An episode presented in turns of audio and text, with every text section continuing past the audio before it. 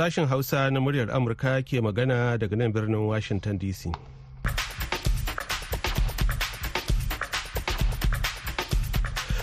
Masu sauraro Assalamu alaikum da fatan da lafiya. Ibrahim Kalmasi Garba ne tare da Zahar Amin Fage da sauran abokan aiki muke farin cikin kasancewa da ku a wannan shiri na yammacin yau Juma'a 19 ga watan Janairu. Kafin ku ji abubuwan da muke tafa da su ga Zahara da kanin labarai. A yau Juma'a ne ministan yada labaran Pakistan ya ce manyan shugabannin fararen hula da na sojin ƙasar za su gudanar da wani taron nazari kan harkokin tsaro akan takaddamar da ke tsakaninsu da Iran. A gefe guda kuma ita ma Iran din ta faɗa a yau Juma'a cewa ta yi nasarar gudanar da atisayen tsaro ta sama domin daƙire hare-hare na wuce gona da iri a yankin da ya tashi daga kudu maso yammacinta zuwa gabar tekun kudu maso gabashin ƙasar. Wani babban jami'in ƙungiyar 'yan ta'adda ta huti da ke samun goyon bayan iran ya ce jiragen ruwan china da na rasha za su iya wucewa ta bahar maliya ba tare da sun fuskanci wata matsala ba. To kanin labaran kenan. A babin rahotanni za a ji cewa kotun kolin najeriya ta sake yanke hukunci kan shari'un zaɓukan wasu jihohin najeriya. Shari'a da aka yanke mu ba mai zata haka ba to amma tun da shi Allah ya bashi muna masa fata na alheri so mu rungumi kaddara mu kuma shirye-shirye na kuma zuwa dubu biyu da ashirin da bakwai. Za a ji wasu rahotanni masu nasaba da cikar sashen Hausa shekaru arba'in da biyar da kafuwa. kamar kowane yammacin ranar juma'a yau ma muna tafa da shirin duniyar amurka wanda mahmud lalo ke gabatarwa inda yau shirin zai taɓo batun ƙarancin masu bayar da gudunmawar jini a asibitocin amurka. Za a kuma ji wasu daga cikin ra'ayoyi masu sauraron mu amma yanzu sai a gyara zama a sha kashi na farko na labaran duniya.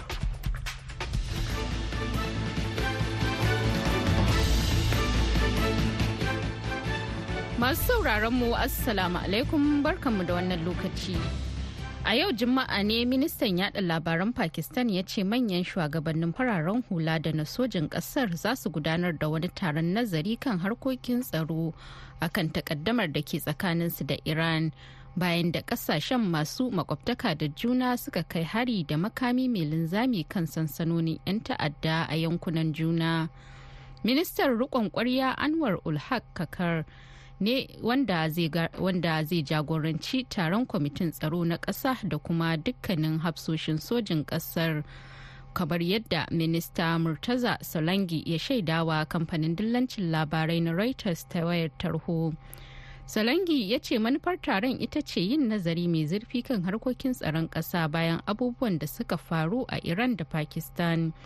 Hare-haren ramuwar gayya da ƙasashen biyu ke yi shine kutse mafi girma da aka gani akan iyakokinsu a shekarun baya-bayan nan lamarin da ya haifar da fargaba game da karuwar rashin zaman lafiya a yankin gabas ta tsakiya tun bayan barkewar yaƙin isra'ila da hamas a ranar 7 ga watan oktoba. A gefe guda kuma ita ma iran ta faɗa a yau juma'a cewa ta yi nasarar gudanar da atisayen tsaro ta sama ta hanyar amfani da jirage mara matuƙa da aka kera domin daƙile hare-haren wuce gona da iri a yankin da ya tashi daga kudu maso yammaci ta zuwa gabar tekun kudu maso gabashin ƙasar a daidai lokacin da ake ƙara samun tashin hankali a yankin. A ranar Alhamis, Pakistan ta kaddamar da hare-hare ta sama kan wasu da ta ce 'yan aware ne a cikin a cikin Iran a wani harin ramuwar gayya kwanaki biyu bayan da Tehran ta ce ta kai hari kan sansanonin wata ƙungiya a yankin na Pakistan. Atisayen na kwanaki biyu da aka fara a ranar Alhamis ya shafi wani yanki daga Abadan da ke kudu maso yammacin lardin Kuzestan zuwa Chabahar da ke kudu maso gabashin Sistan da kuma lardin Balochistan mai iyaka da Pakistan da Afghanistan.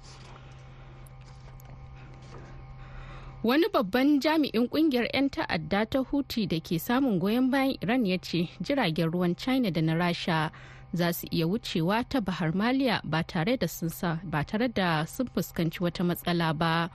Kamfanin dillancin labaran Faransa ya rawaito cewar Muhammad Albarkati wanda memba ne na shugabancin 'yan siyasar ƙungiyar Huti ya faɗa a wata hira da ya yi ta kafar yada labaran rasha ta izvestia cewa hanyoyin jigilar kayayyaki da ke kewayen ƙasar yemen ba su da haɗari ga jiragen ruwa daga ƙasashen china da rasha. Matukar da jiragen ba su da alaka da isra'ila. Ƙungiyar ta Huti ta ce suna nuna goyon bayansu ga Falasɗinawa ne a daidai lokacin yaƙin da Isra'ila ke yi da mayaƙan Hamas a Gaza kuma sun kai hare-hare fiye da talatin a tekun Bahar. Sai dai 'yan ƙungiyar ta Huti sun ƙaddamar da hare-hare kan jiragen ruwa da ba su da alaƙa da Isra'ila. Lamarin da ya sa wasu kamfanonin sufurin jiragen ruwa ke kaucewa hanyoyin jigilar kayayyaki. Inda 'yan huti suka kaddamar da hare-haren never said that the Houthis would immediately stop. That is something that um, Mataimakiyar sakataren yada labarai a ma'aikatar tsaron Amurka ta Pentagon Sabrina Sin kenan take cewa ai ba mu taba cewa mayaƙan na Houthi za su dakatar da hare su ba. Wannan wani abu ne da su da kansu za su ɗauki matakin aiwatarwa. To an jima kaɗan Zahara za ta sake shigowa da ci gaban labaran duniya kafin nan bari mu kawo muku rahotonmu na farko wanda zai kai mu Najeriya inda kotun koli ta sake yanke hukunci kan shari'un zaɓen gwamnonin wasu jihohi daga Abuja ga Halima Abdulra'u da bayanan hukunce-hukuncen a dunkule.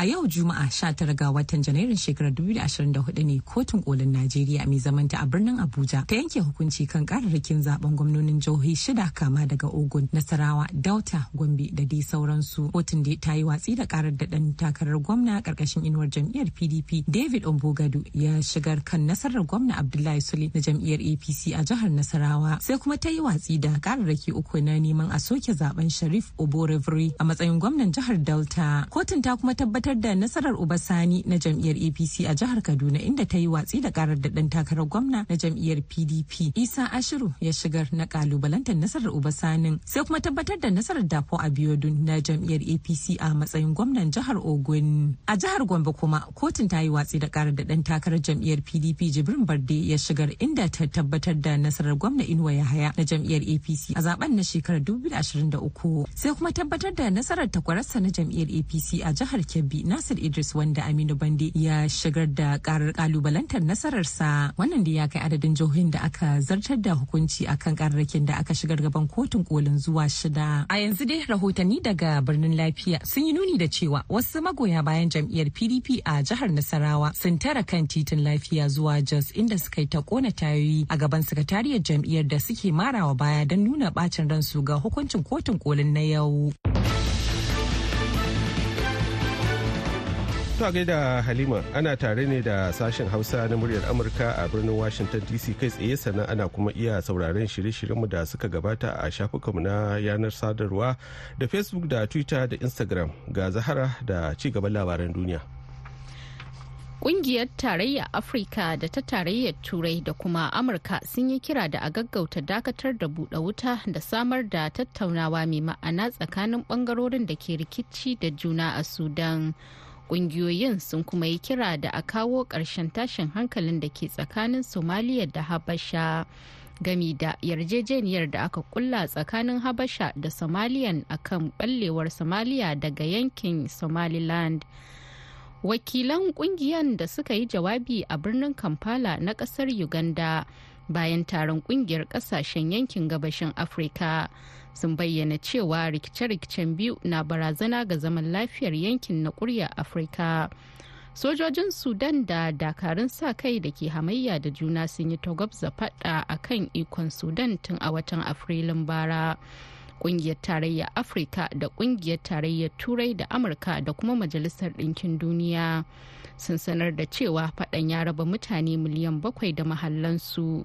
Tare da hana yara miliyan goma sha tara zuwa makaranta. Zubar dusar kankara da kuma yanayin sanyin gaske da ya kai shilin ƙasa da sifili a galibin faɗin amurka a cikin wannan makon ya yi sanadiyar mutuwar mutane a wasu yankuna tare da sanya zirga-zirgar ababen hawa da na sama cikin haɗari. Wani jirgin saman amurka ya zame daga kan titin saukar jirage a rochester na birnin new york saboda dusar kankara bayan tashinsa daga philadelphia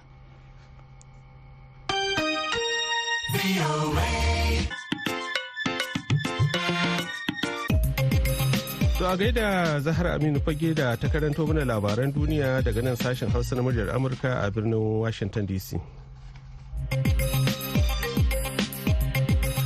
To yanzu kuma bari mu sake waiwayar rahotanninmu kamar yadda aka ji a rahotonmu da ya gabata kotun kolin Najeriya ta sake yanke hukunci kan shari'un zaɓen gwamnonin wasu jihohin Najeriya kamar yadda aka ji cikin gwamnonin da suka yi nasarar dawowa akwai na jihar Nasarawa wanda wakiliyarmu Zainab Babaji za ta kara mana bayani a kai.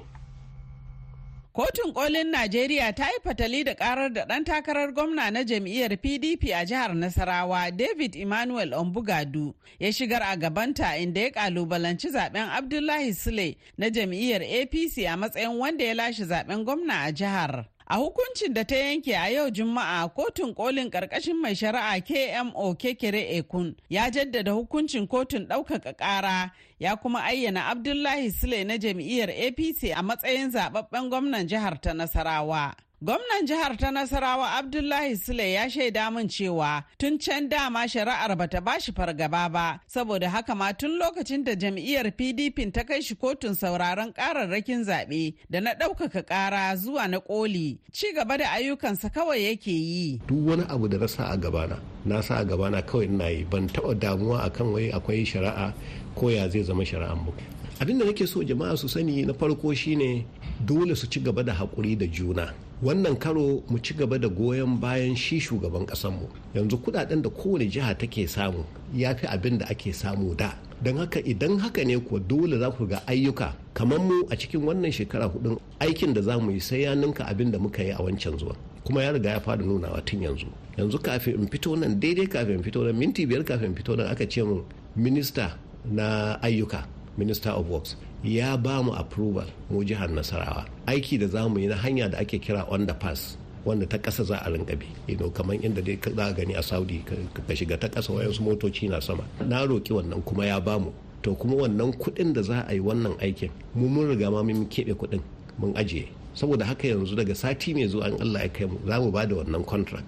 Yanzu in ka je kefi dualization na kefi an kare a kwanga yanzu mun ba da aikin dualization yanzu a kwanga projects guda huɗu za mu je mu yi commissioning. Know, to saboda haka mutane suka yi haƙuri ci gaba zai zo. Amma babban ci gaban da zai zo shine na harkan ilimi na harkan lafiya na jama'a harkan gona da za a iya ba mutane taimako da duka sauransu. Gwamnan jihar Nasarawa kenan Abdullahi Sule. Tuni dai magoya bayan APC suka nuna farin cikinsu da nasarar da jam'iyyarsu ta samu. Sunana Rilwanu Abubakar Khalid, SSS the Governor of Rural Development. Godiya tabbata daga sarki Allah ya tabbatar ma da shi mai girma gwamna injiniya ya yi sule nasarar da Allah ya bashi dama can shi gwamna mai son zaman lafiya ne kuma ba shi da bambancin addini ko na kabilanci ko na bangaranci damuwan gwamna jiha ta zauna lafiya domin baki masu neman kawo arziki su shiga mishi a jiha kuma Allah ya sa ya tabbatar da wannan. Alhaji Sa'idu Yakubu Asakio, Gona A Sule mutum ne wanda da mun san shi mai adalci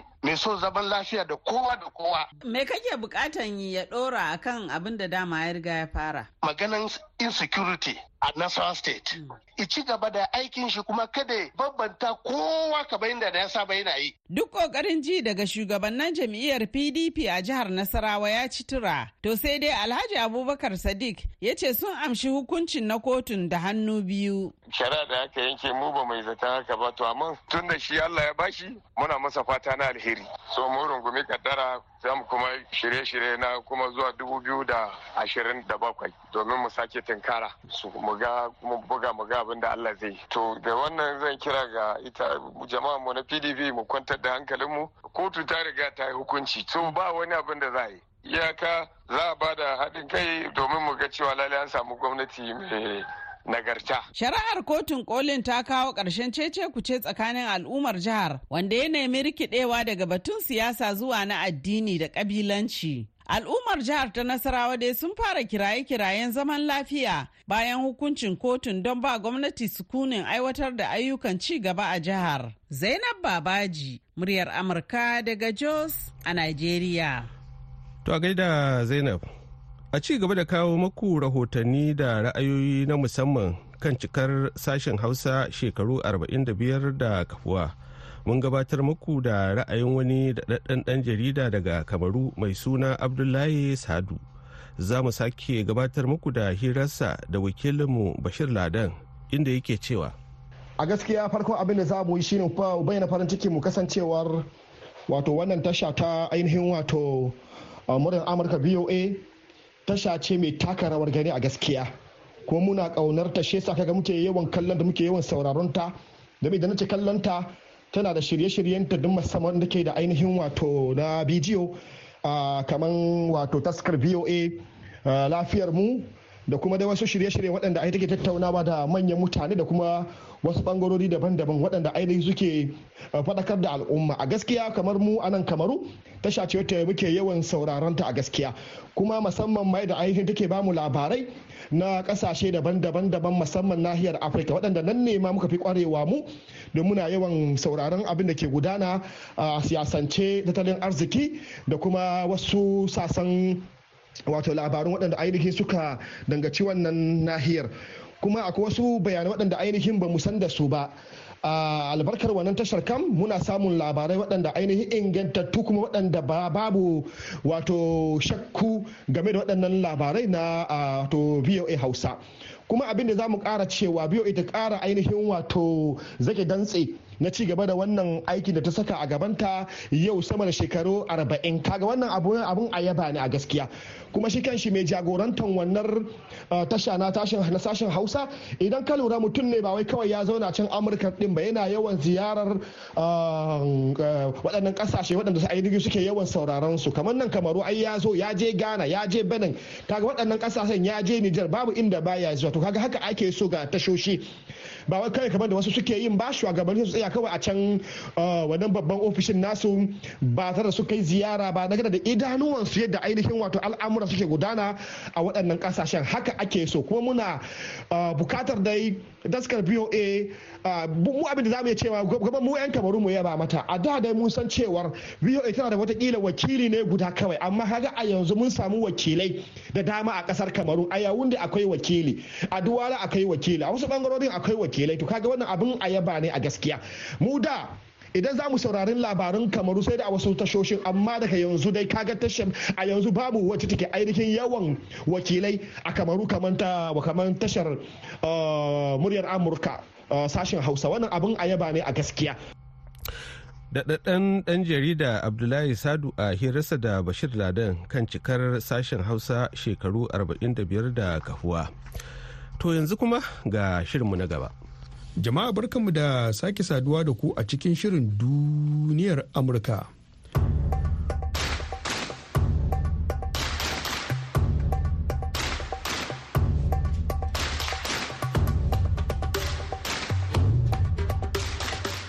Ƙungiyar ba da agaji ta ƙasa da ƙasa Red Cross a nan Amurka ta koka kan yadda ake samun ƙarancin masu ba da gudunmawar jini a ƙasar.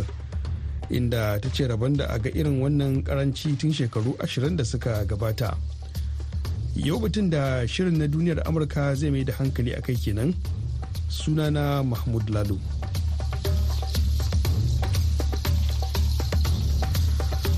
To kamar da wasu ku suka ji a farkon shirin ƙungiyar ba da agaji ta ƙasa da ƙasa red cross a nan amurka ta koka kan yadda ake samun ƙarancin masu ba da gudunmawar jini a ƙasar. Inda ta ce rabon da a ga irin wannan adadi mafi karanci na masu ba da tallafin jinin tun shekaru ashirin da suka gabata lindy lewis ta kwashe shekaru da dama tana ba da gudunmawa jini bisa wasu dalilai na raɗin kanta I have the ability to do it because I know not everybody can. Um, I know there's shortages. ina iya ba da gudunmawa jini, na san ba kowa ba ne zai iya. Na fahimci cewa akwai ƙarancin jini. Ahalina suna da tarihin matsalar cutar daji. Saboda haka ba da tallafin jini na taimakawa marasa lafiya kuma zan iya ba da gudunmawar jinin ko da ban san mutum ba. To Lewis dai kan kwashe sa'o'i biyu tana ba da gudunmawar jinin inda takan numfasa har ta kalli fim guda yayin ɗibar jinin. Sai dai tana ɗaya daga cikin mutane kalilan da ke zuwa wannan cibiya domin ba da gudunmawar jinin. A cewar ƙungiyar ta Red Cross, adadin masu zuwa ba da gudunmawar jini ya ragu sosai cikin shekaru ashirin da suka gabata. Joan Nolin jami'a ce a ƙungiyar ta Red Cross. Since 20 years ago, the blood donor population has dropped by 40%. We used to have close to 4 million, now it's just a little over 2 million. Ta ce tun shekaru ashirin da suka gabata adadin masu ba da gudunmawa jini ya ragu da kashi 40. A da mukan samu miliyan huɗu, amma yanzu da kaɗan yake haura miliyan biyu. Hakan na da nasaba sosai da barkewar cutar COVID lokacin da aka rufe makarantu da wuraren kasuwanci. Sannan ga yanayi da ake fuskanta a sassan Amurka. Da cututtuka da ke zuwa lokaci-lokaci. Right now with, with, the, with the weather happening across the country, seasonal illnesses. To zubar dusar kankara da ruwan sama da kuma mummunar guguwa da ake fuskanta a sassan Amurka sun sa masu zuwa ba da gudunmawa jini fasa zuwa ba da tallafin a cewar wani daga cikin wakilan ƙungiyar ta Red Cross. Kuma duba da cututtuka kamar na zazzafan mura da dawowar COVID-19 akwai yiwuwar mutane da dama su ƙara janyewa. Uh, right now, the most urgent need is for platelets as well as. Joan kenan take cewa a halin yanzu ana buƙatar jini cikin gaggawa musamman ma na nau'in O saboda a ƙara adadin yawan jinin da ke rumbunmu. is needed right now so that we can increase the, the overall blood supply. A Amurka duk wanda ya haura shekaru 18 zai iya ba da gudunmawar jini akalla sau ɗaya a cikin kwanaki 56. Ana kuma buƙatar nauyin wanda zai ba da gudunmawar jinin ya haura kilo 50. A cewar dean robin wanda shi ma ke ba da gudunmawar jini duk wata biyu sai ya je ya ba da wannan tallafi I've been donating platelets for about 10 years. Uh, I'm lucky that I have very good health. ya ce kusan shekaru goma na kwashe ina ba da gudunmawar jini na yi sa'a ina da cikakkiyar lafiya hakan ya sa na ga ya dace na taimaka wa waɗanda ba su da wannan ni'ima It's a simple way to give back to those that are less fortunate. a amurka ba a biyan masu ba da gudunmawar jini ko da kuwa an kai wani shalli da ake buƙatar sa cikin gaggawa.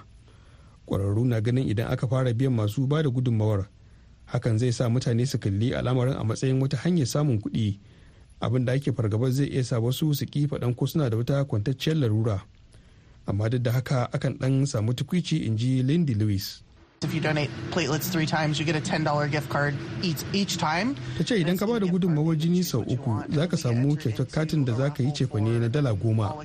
Sannan za a baka dama ka shiga gasar raffle don zuwa kallon gasar ƙwallon kafar amurka ta super bowl. Sannan mukan samu riguna da safa da dai ire-iren waɗannan ƙananan kyaututtuka. Socks, just random little gifts. ƙwararru dai sun ce a duk daƙiƙa biyu wani kan buƙaci gudunmawar jini a amurka. Abin da ke nufin duk wanda ya ba da tallafin jinin mai yawan milimita 500 akwai yiwuwar ceci ran wani.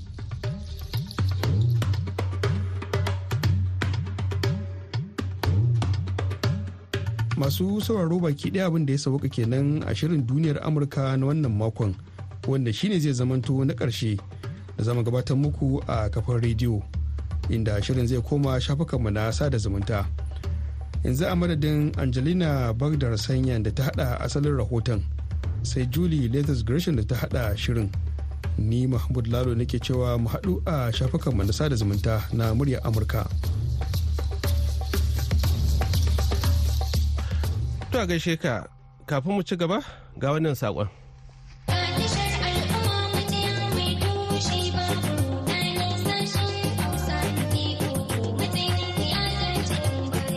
Lalle hakika shekara kwana ce. A ranar 21 ga watan Janairun shekara ta 2024 sashen Hausa na murya Amurka ke cika shekaru 45 da kafowa. Hmm, shekaru 45. Eh shekaru 45 kenan da sashen Hausa na murya Amurka ya kwashe yana watso muku shirye-shirye daga birnin Washington DC. Kamar kullum wannan karon ma mun yi sauye-sauye a tsarin shirye-shiryenmu domin daidaicewa da zamani da kuma biyan bukatun ku masu saurare. Mun fito da wasu sabbin shirye-shirye na rediyo da suka hada da daga kawayenmu. Zamantakewa da Allah ɗaya gari bamban. Da kuma dandalin 'yan jarida. Lokutan muna nan ba su canja ba. Haka ma mitocin da ake kama mu ma ba su sauya ba. Zamani riga a ɓangaren talabijin ma mun yi muku kyakkyawan tanadi tare da ƙirƙiro sabon shirin nishaɗi na dardumar BOA. Haka kuma a gefen sadarwa ta zamani za ku ga sauyi a dukkan shafukanmu na intanet tare da sabbin shafuka na duniya Amurka da tafiya mabudin ilimi har ma da ingantaccen shirin na na ji na gani da ke kawo muku faruwar al'amura kai tsaye a duk faɗin duniya. Sashen Hausa na muryar Amurka majiya kwakwara ta yada labarai da rahotanni. Ku kasance tare da mu a ko da yaushe domin biyan bukatunku shine muradinmu. Shirye-shiryen ku gasu cikin ma'ana da tsari na birgewa. To yanzu kuma ga kaɗan daga cikin ra'ayoyin masu sauraron mu.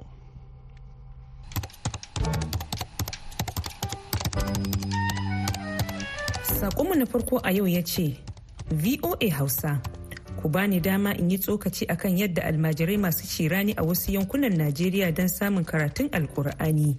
Hakika wannan lokacin ya sauya da zamanin da ya shuɗe musamman wajen samun karatun da kuma abin sakawa a baka sakamakon fari da ake fama da shi musamman a arewacin ƙasar wanda hakan ya sa ba karatun ba ne a gabansu illa su samu abinci don magance yunwa da kishirwa. Muna kira ga malaman tsangaya da babbar murya da su duba wannan lamarin don ceto almajiran daga cikin ƙangin yunwa.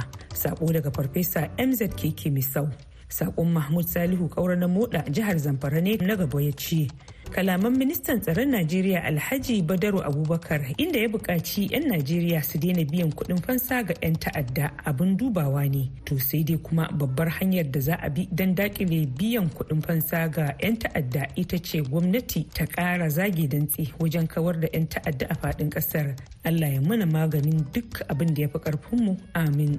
Sai kuma saƙon sani gulle kamfala malam madori jihar jigawa ya ce sako na gaba ra'ayinka ne sani mai lange-lange yalwaya wuri ya ce assalamu alaikum voa hausa samun karuwar masu ta'ammali da miyagun ƙwayoyi a makarantun sakandare a jihar kano abin dubawa ne matuka ganin cewa su ne ake sa ran su kasance manyan gobe da fatar allah ya ba hukumomin da abin ya shafa ikon shawo kan matsalar.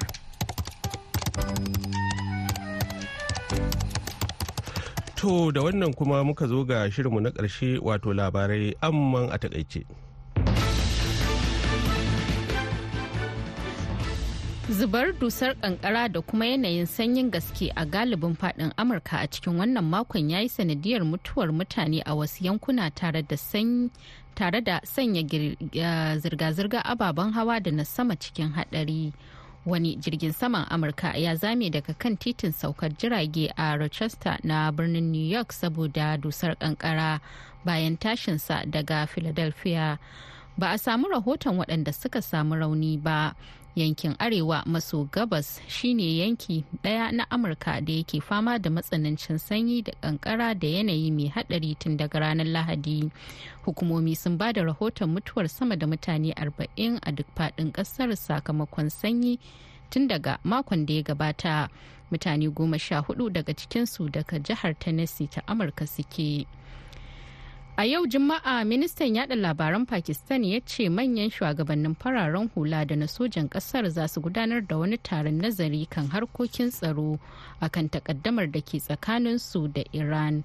Bayan da ƙasashen masu makwabtaka da juna suka kai hari da makami mai linzami kan sansanonin 'yan ta'adda a yankunan juna.